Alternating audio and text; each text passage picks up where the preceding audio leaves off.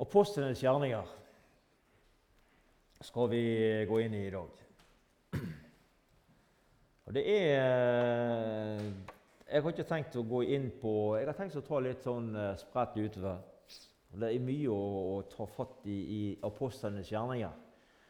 Så jeg anbefaler dere gå inn, studer, les apostlenes gjerninger når du har tid, og eh, få med deg det som står der. Apostlenes gjerninger det er egentlig andre delen av eh, et dobbelt verk, leser vi, som eh, Lukas har forfatta. Lukas han eh, sier sjøl at i den første boken skrev han om alt det som Jesus begynte med. Både å gjøre og å lære. Og Nå vil han skrive om det som Jesus som den oppstolte fortsatte med å gjøre og lærer gjennom sine vitner og ved sin ånd. Den andre delen av Lukas sitt verk fikk til slutt sin egen tittel, og det er apostlenes gjerninger. Vanskelig å si bestemt når den er skrevet, men sånn, de regner med at sånn rundt om eh, 61 eller til 64. Rundt i den, eh, i den eh, årsleia der så, så, er dette skrevet. Og dette er kirke, første kirkes, eh, kirkens første historiebok og er derfor en av uvurderlig verdi. Og det er bare noen få av apostlene som er nevnt. Og det er Peter, Johannes og Jakob og ikke minst hedningapostelen Paulus. Og vi har eh, denne Apostlenes gjerning den er inndelt i to hoveddeler. og Kapittel 1-12 omhandler stort sett jødemisjonen. Og eh, Her er Peter hovedpersonen. Den andre delen, fra kapittel 13 til 28, skildrer den begynnelse, altså den begynnende hedningemisjonen som eh, Paulus hadde, eh, eller var hovedperson i. Og Når vi leser apostlenes gjerninger, så ser vi at evangeliet hadde stor fremgang. Og Temaet i apostlenes gjerninger det finner vi i, eh, i kapittel 1 og vers 8. Og Der står det Men dere får men dere skal få kraft når Den hellige ånd kommer over dere. Og dere skal eh, være mine vitner i Jerusalem og hele Judea, i Samaria og like til jordens ende.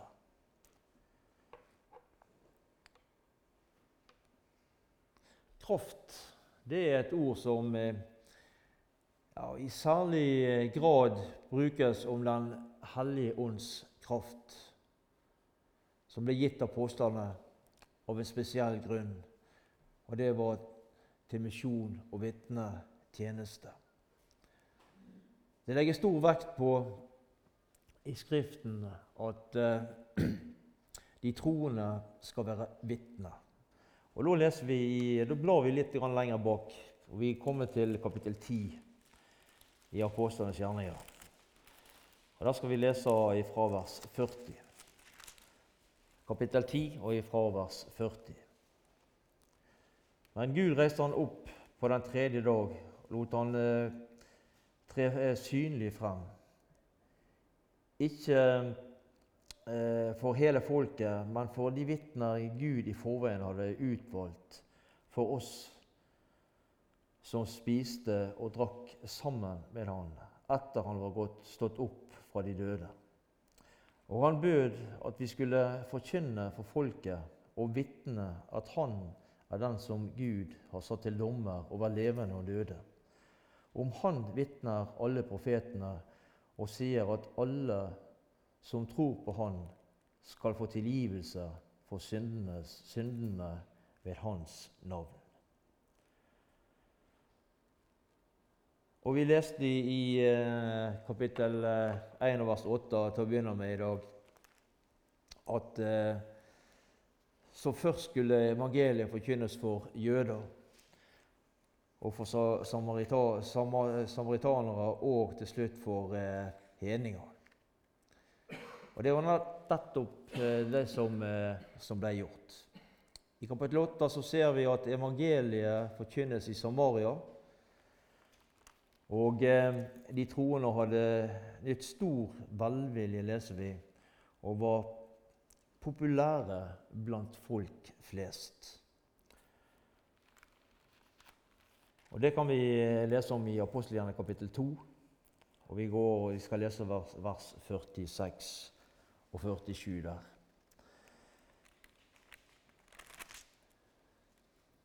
De holdt sammen, og hver dag samlet de seg trofast på tempelplassen. I hjemmene brøt de brødet, og de spiste sammen med oppriktig og inderlig glede. De lovet Gud, og alle satte pris på dem. Hver dag ble nye mennesker frelst, og Herren la dem til menigheten. Og Vi går også til kapittel 5 og verset 13 i eh, apostelgjerningene. Ingen andre våget å være sammen med dem, men folket satte dem høyt. Så Det, det viser det at det, disse første kristne de var, eh, apostlene de var populære blant mennesker.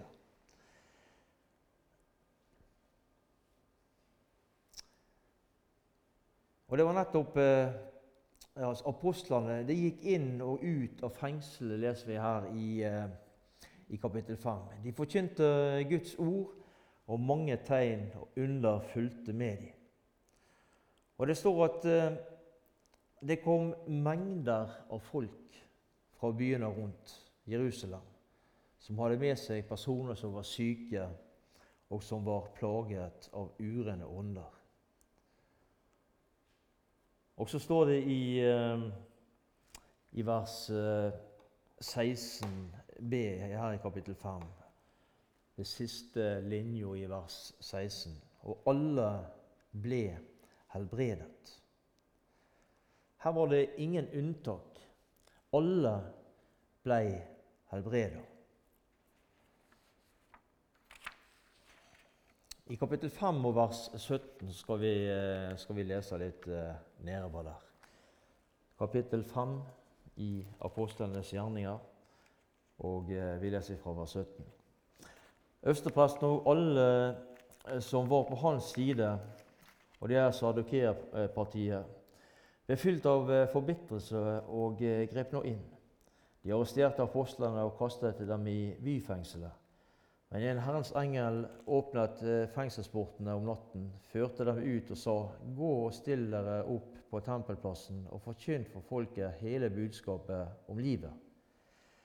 Disse eh, ord fikk dem til å gå til tempelet tidlig eh, neste morgen, og, de lærte, og, da, og der lærte de folket.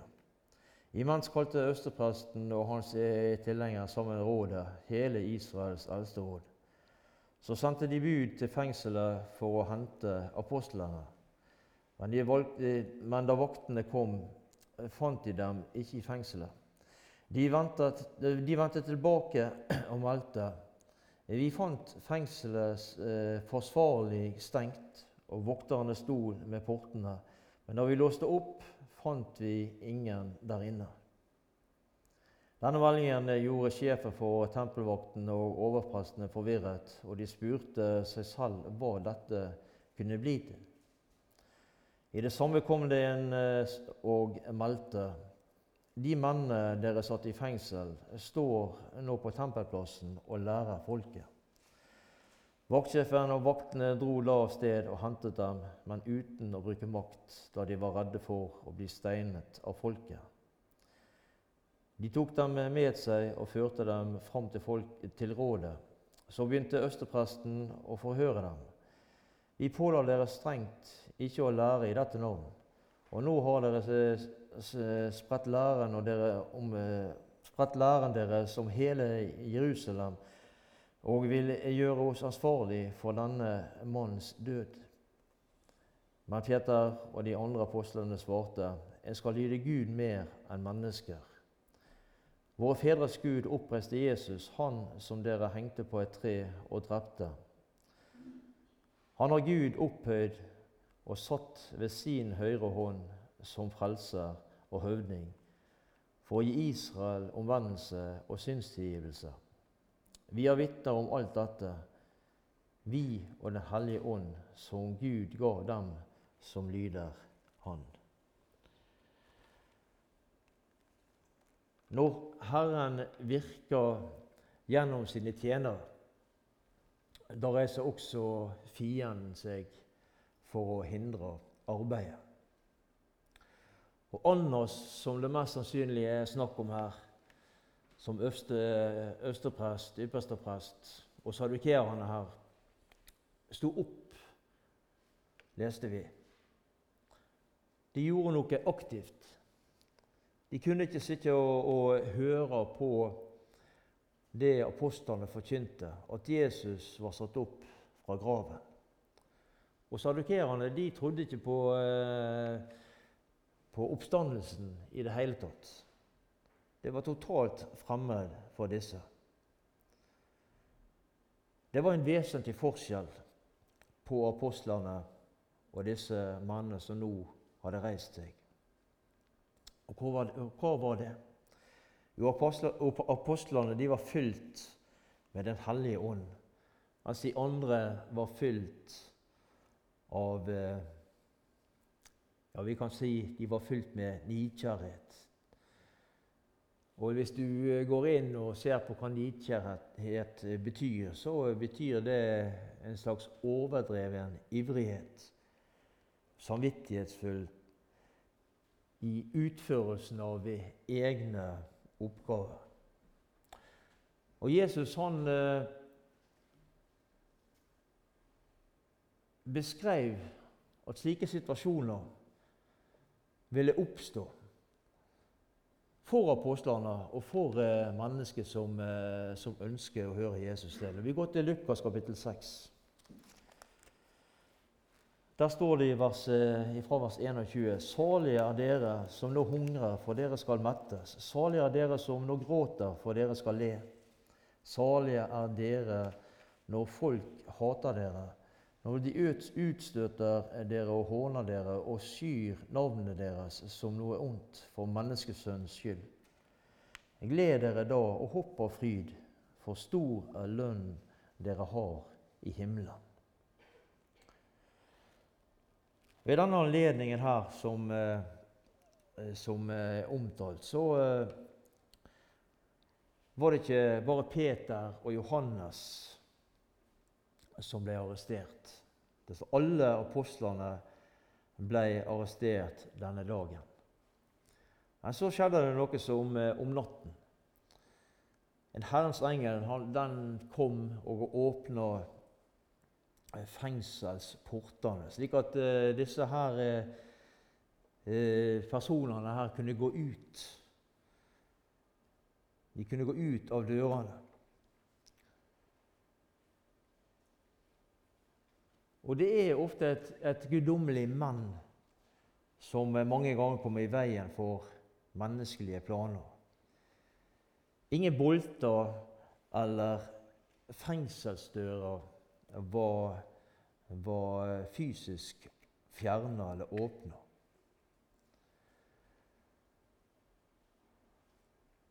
Og eh, ja, det, det, er slik at eh, de var så solide at ikke at mange, altså, Folk trodde ikke at det kan i hvert fall ikke være Herren som eh, kan fjerne noe av dette her. Og for å bane vei for sine tjenere. Og, det, og Slik var det nok mange som, som, tenkte i denne situasjonen. her. Men så legger de merke til én ting. Det var ingen som stoppa apostlene fra å forlate fengselet. De var sikkert fortvila over å sitte der innesperra uten å kunne gjøre noen ting. Og kanskje de hadde satt, eh, satt begrensninger på Gud. Dette kan ikke Gud eh, gjøre noe med. tenkte de kanskje. Og så var det nettopp det Gud viste dem at han kunne gjøre. Så står det i Lukas 1, 37, som dere kan, for ingenting er umulig for Gud. Og det var nettopp det apostlene fikk oppleve. At Gud gjorde det umulige mulig.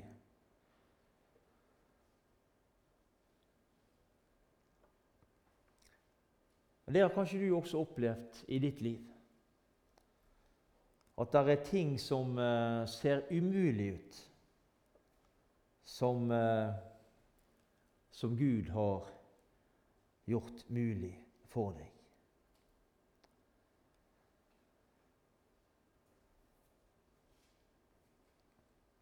Gå av sted, sier engelen til apostlene. Stå fram i tempelet og forkynn for de dere møter. Nei, det sto ikke det. Det var ikke det vi leste. Forkynn alle folk dette livsord. Hvordan er det med oss som sitter her i Arken, og som ellers lyttet til i dag? Hvordan er det med misjons- og vitnetjenesten i ditt liv? Lar du være å, å si noe når anledningen byr seg? Når ordet blir eh, gitt fritt i vitnemøter, eller Gud minner deg om å si noe og dele noe med andre? Blir vi da eh, sittende stille på grunn av eh, ja, på, Ofte pga. menneskefrykt.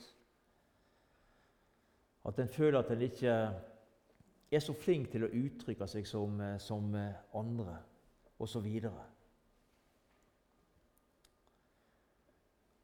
Da vil jeg si deg, kjære venn, om du har det slik, så er det ikke disse tankene ifra Gud. Da er det djevelen som er på banen, og som ønsker at du skal være taus. Han ønsker ikke at du skal reise deg for Jesus. Og det er det noe som han sitter alt inn på, så er det å hindre det. Har Gud minnet deg om noe, så er det noe som trenger å høre dette.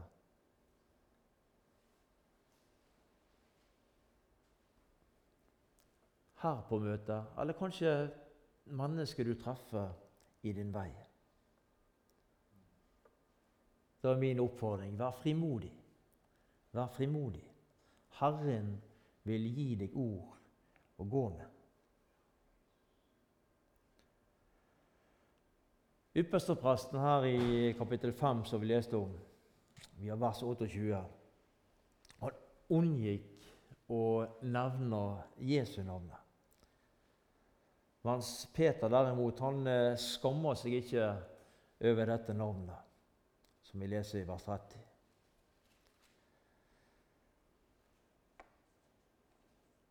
Vi skal bla litt videre bak, og vi eh, kommer til kapittel 8. Vi leser om at Stefanus var drept, og Saulus, som han het den gangen, hadde gitt samtykke i mordet på ham. Og Det oppstod en eh, stor forfølgelse av menigheten i Jerusalem og i kjølvannet av dette. Og Saulus var delaktig i denne forfølgelsen. Det står det at han herja menigheten og dro ut både menn og kvinner fra husene deres og kasta dem i fengsel. De som eh, hadde blitt kristne og hadde flykta, dro omkring i landet og forkynte evangeliet. Og Philip var en av disse. Og han drog rundt om i Samaria og forkynte det glade budskap der. Men så kommer det en Herrens engel til Philip Og Det leser vi om i eh, kapittel, i kapittel 8, vers 26. En Herrens engel talte til Philip og sa:" Gjør deg klar og dra sørover på veien fra Jerusalem til Gaza. Dette er en øde strekning. Jeg vet ikke på, på hvilken måte denne engelen åpenbarte seg for ham. Det står det ingenting om. Men han eh, fikk en tydelig befaling om å dra ifra Jerusalem til Gaza, denne øde veien som det er snakk om her. Og Gaza det er en gammel filisterby, og den ligger ca. 100 km fra Jerusalem. Hva gjorde Philip? Unnskyldte han med seg med at, eh, at han var sliten? At det var altfor langt å gå? At Herren måtte sende en annen? Nei, han gjorde ikke det. Han brøt opp og drog av sted. Gud hadde bruk for Philip i sin tjeneste denne dagen. Det var en mann som trengte hjelp til å forstå Skriftene, forstå det som han leste i Jesaja, og kanskje han var innom Jesaja 53. Og det var eh, den eh, etiopiske hoffmann. Han var kommet til Jerusalem for å tilbe, og han var nå på vei hjem igjen. Og Det var da Ånden sa til Philip, som vi leser her i vers, i vers 29 Da sa Ånden til Philip, gå bort til vognen og hold deg tett opp til den. Men eh, Philip han nøyde seg ikke å, med å gå bort til vognen.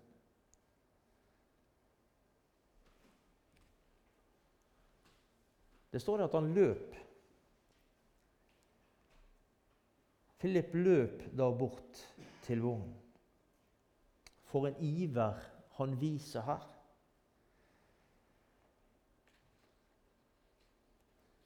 Ånden ba han om å, å, gå bort, men Philip han var så ivrig at han løp av gårde.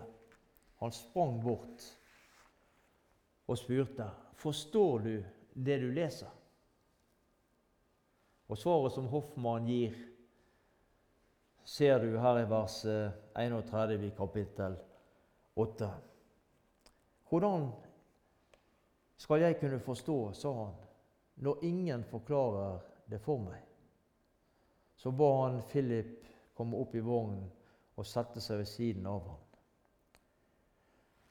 Hvordan kan jeg forstå når ingen forklarer det for meg. Da er det at evangelisten Philip stiger fram og forkynner evangeliet Jesus, om Jesus for ham. Det var ikke en masse ord om, eh, om vær og vind som eh, ble tatt fram i den samtalen der. Nei, det var direkte tale. Det var evangeliet som var det viktigste for Philip å formidle denne dagen til Hoffmann. Hvordan er det med oss? Er vi ivrige i tjenesten? Eller er iveren stilnet av, stagnert, dabba ut osv.? Vi synger en sang 'Tenn meg, Jesus, la meg være hver en dag et lys for deg'. Alltid leve deg til lære. Led meg du på all min vei. Gjør meg villig, varm og våken, kjære Jesus, led meg frem. Gjør meg til et lys i tåken som kan lede andre hjem. Vi går til eh, Romerøvet kapittel 10. Og Da skal vi lese fra vers 14. Romerbrevet kapittel 10 og vers 14. Men hvordan kan de påkalle en de ikke tror på? Hvordan kan de tro på en som de ikke har hørt om? Og hvordan kan de høre dersom ingen forkynner? Og hvordan kan noen forkynne hvis de ikke er utsendt? Det står jo skrevet hvor herlige lyder fottrinnene av dem som bringer godt budskap. Men ikke alle var lydige mot evangeliet. Jesaja sier, 'Herre, hvem trodde vårt budskap?' Så kommer da troen av det budskapet en hører, og budskapet kommer av Kristi ord. Det ble stilt noen spørsmål her i det vi leste i Romerbrevet. Hvordan kan jeg tro på, på en som en ikke har hørt om? Og Det sier seg sjøl at, det ikke, at ikke det går an. En kan ikke tro på noe som en ikke har hørt om før. Og hvordan kan en høre uten at det er noen som forkynner? Dette spørsmålet er også innlysende. Det går ikke an. Gud har bruk for deg og meg i sin tjeneste. Den tjenesten som han har kalt deg til, vil han også utruste deg til. Det er ikke snakk om å være alene, om å bli kasta ut i det, for å si det slik. Nei, han er der, og han vil bære deg framover. Han går ved min side, synger vi en sang. Han leder min gang. Han blir ikke trett, han som jeg. Slik Herren leder Philip til denne hoffmannen. Slik vil han også lede deg. Og du gir han lov til det. Han trenger seg ikke på. Han spør deg om du vil bruke tiden din til å gis i hans tjeneste. Og Så er spørsmålet vil du det. Vil du bruke tid i hans tjeneste?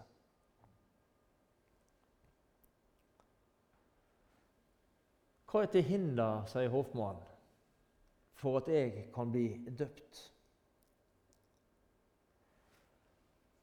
Og Philip han svarer det slik i vers 37. Tror du av hele ditt hjerte, så kan det skje. Men han svarte og sa, jeg tror at eh, Kristus Jesus er Guds sønn.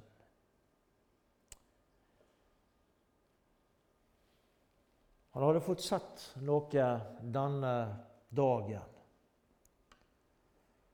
Han hadde fått sett Jesus gjennom det som Philip hadde formidla, fortalt, forkynt for han.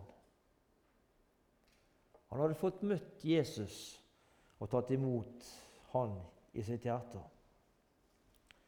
Tror du at Philip var glad over det som hadde skjedd?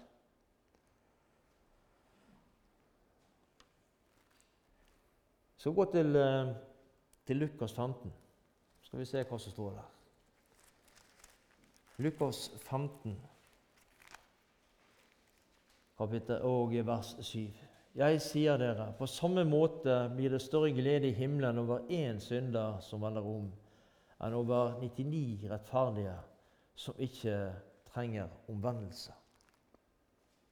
Jeg tror nok det at Philip ble glad, og det var stor glede i himmelen denne dagen.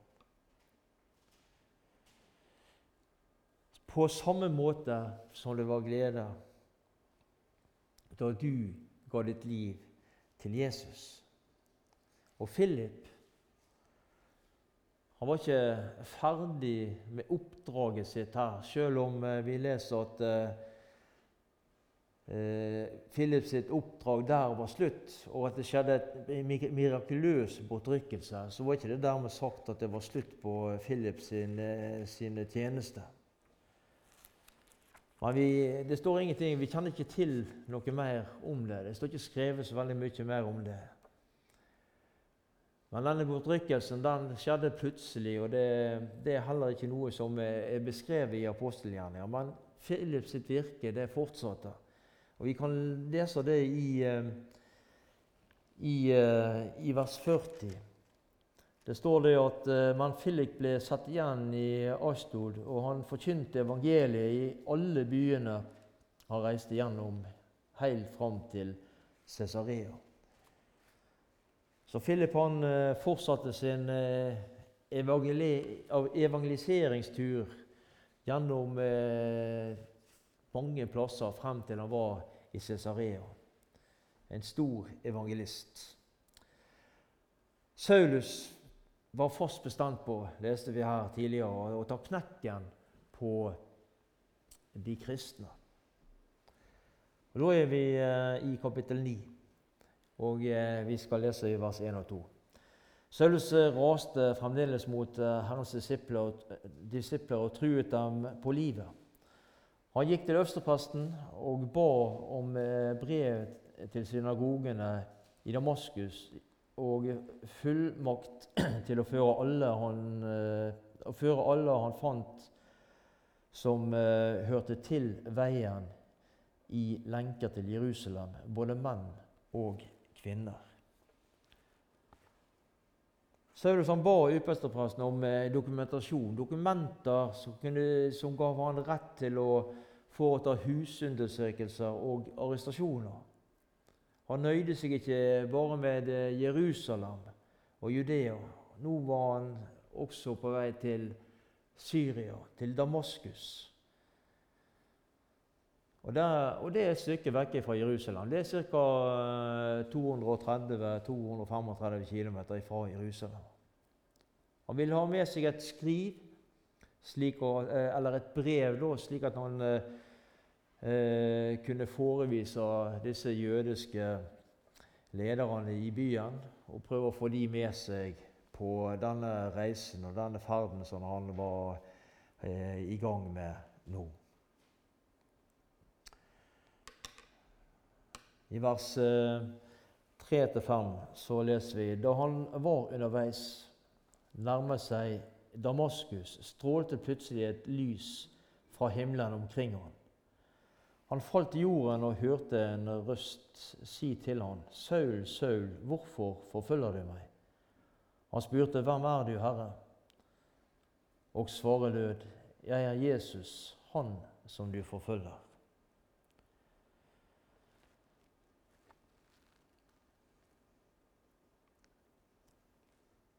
Det var ved middagstid dette skjedde. Og det, Hvis vi går lite grann lenger bak i eh, apostelgjerningene, bare for å se at, eh, at, at ikke du tror at jeg eh, tuller med deg, men så leste du i kapittel 22. Og Så står det i vers 6 eh, der men da, jeg, men da jeg var underveis og nærmet meg Damaskus ved middagstid, strålte plutselig et lys fra himmelen opp rundt meg. Men allikevel så var dette lyset klarere enn solen. Og Saulus var nesten framme i Damaskus når dette her skjedde. Og dette ordet 'strålte' det er et ord som bare er brukt om Paulus sin opplevelse her i Nytestamentet eller Saulus, som han da het. Saulus falt til jorden, leste vi. Hvordan han falt, hvor ifra, om han var ja, Om han rei på et esel, eller om han rei på en hest, eller kanskje gikk til fots, det står det ingenting om.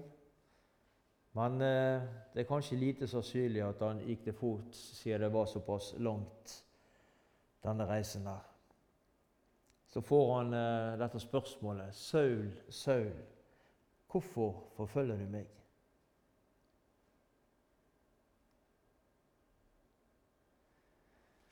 i apostelgjerningene kapittel 26 og vers 14 eh, så, så leser vi at det blir hardt for deg å stampe mot brodden. Legg merke til én ting, og det er at når Herren gjentar en person sitt navn, så er det som regel noe spesielt på ferde. Og Det har vi flere eksempler på i, i, Bibelen. Vi skal ta bare noen få her eh, i dag. Vi kan gå til, eh, til Mosebok, første Mosebok, kapittel 22. En historie som vi, som vi kan veldig godt når eh, Gud setter Abraham på prøve. Og Så leser vi vers 11. Da ropte Herrens engel til han fra himmelen og sa:" Abraham, Abraham. Og han svarte, 'Ja, her er jeg'. Gud satte Abraham på prøve, og når Abraham var klar til å ofre sin eh, sønn Isak, så stoppa Gud han med å rope 'Abraham, Abraham'. Og eh, Går vi videre til eh, første Samuels bok,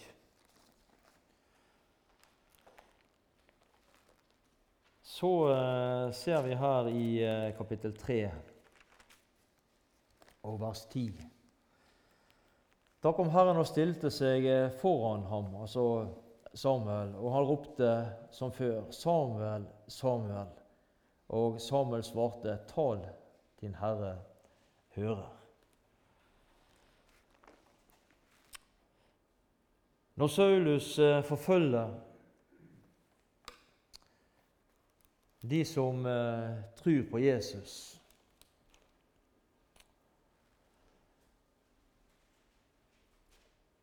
Så forfølger han også Jesus sjøl.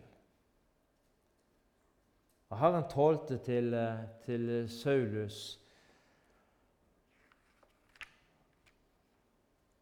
for at ikke noen ting skulle være uklart denne dagen. her. Det skulle ikke være noen misforståelser i det som ble sagt. Hvem er det, hvem er det som, som taler? spør, spør uh, Saulus. Jeg er den som du forfølger.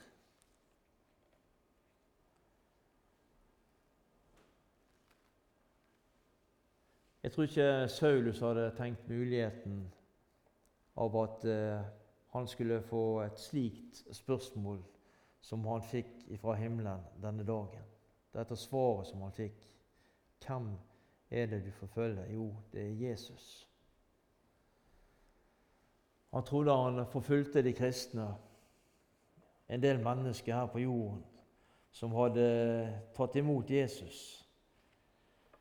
Han så får han høre at det var Jesus han forfulgte. Og Herren, eh, Herrens tale til eh, Saulus videre, den er fremtidsretta. Han skal få vite hva han skal få eh, gjøre her etter. Det gamle slettes ut, og et nytt liv begynner.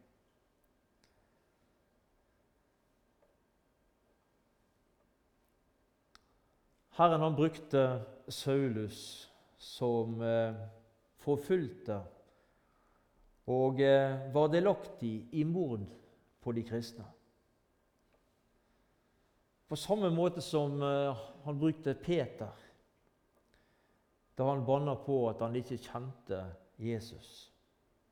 Og Vi kunne nevnt mange andre skikkelser i Guds ord angående dette. På samme måte så vil også Herren bruke deg og meg.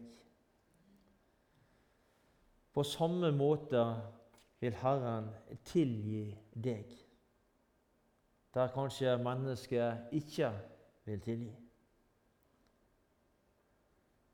Når du kommer til Han, så står Han der. Ikke med armene sånn men han står med, armer, med åpne armer for å ta imot deg. Og du får oppleve det samme som Paulus, eller som Saulus fikk oppleve. Du får begynne på nytt. Alt det som eh, før var, det er borte. Det har han sletta ut ved sin død, da han nagla det til korset. Og du kan få begynne på nytt sammen med Jesus. Han har ikke lovt et liv uten problemer, men et liv der han vil gå med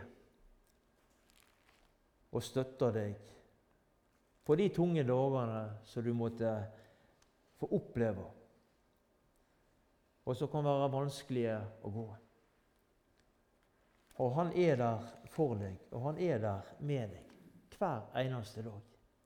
Og Det er fantastisk å tenke på. Det er en som tilgir alt.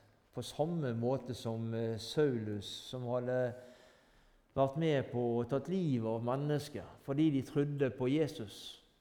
På samme måte som han tilga Saulus, som senere fikk navnet Paulus. På samme måte tilgir han deg og meg når vi kommer til Han. Vi takker deg, Jesus. Vi takker deg for ditt ord.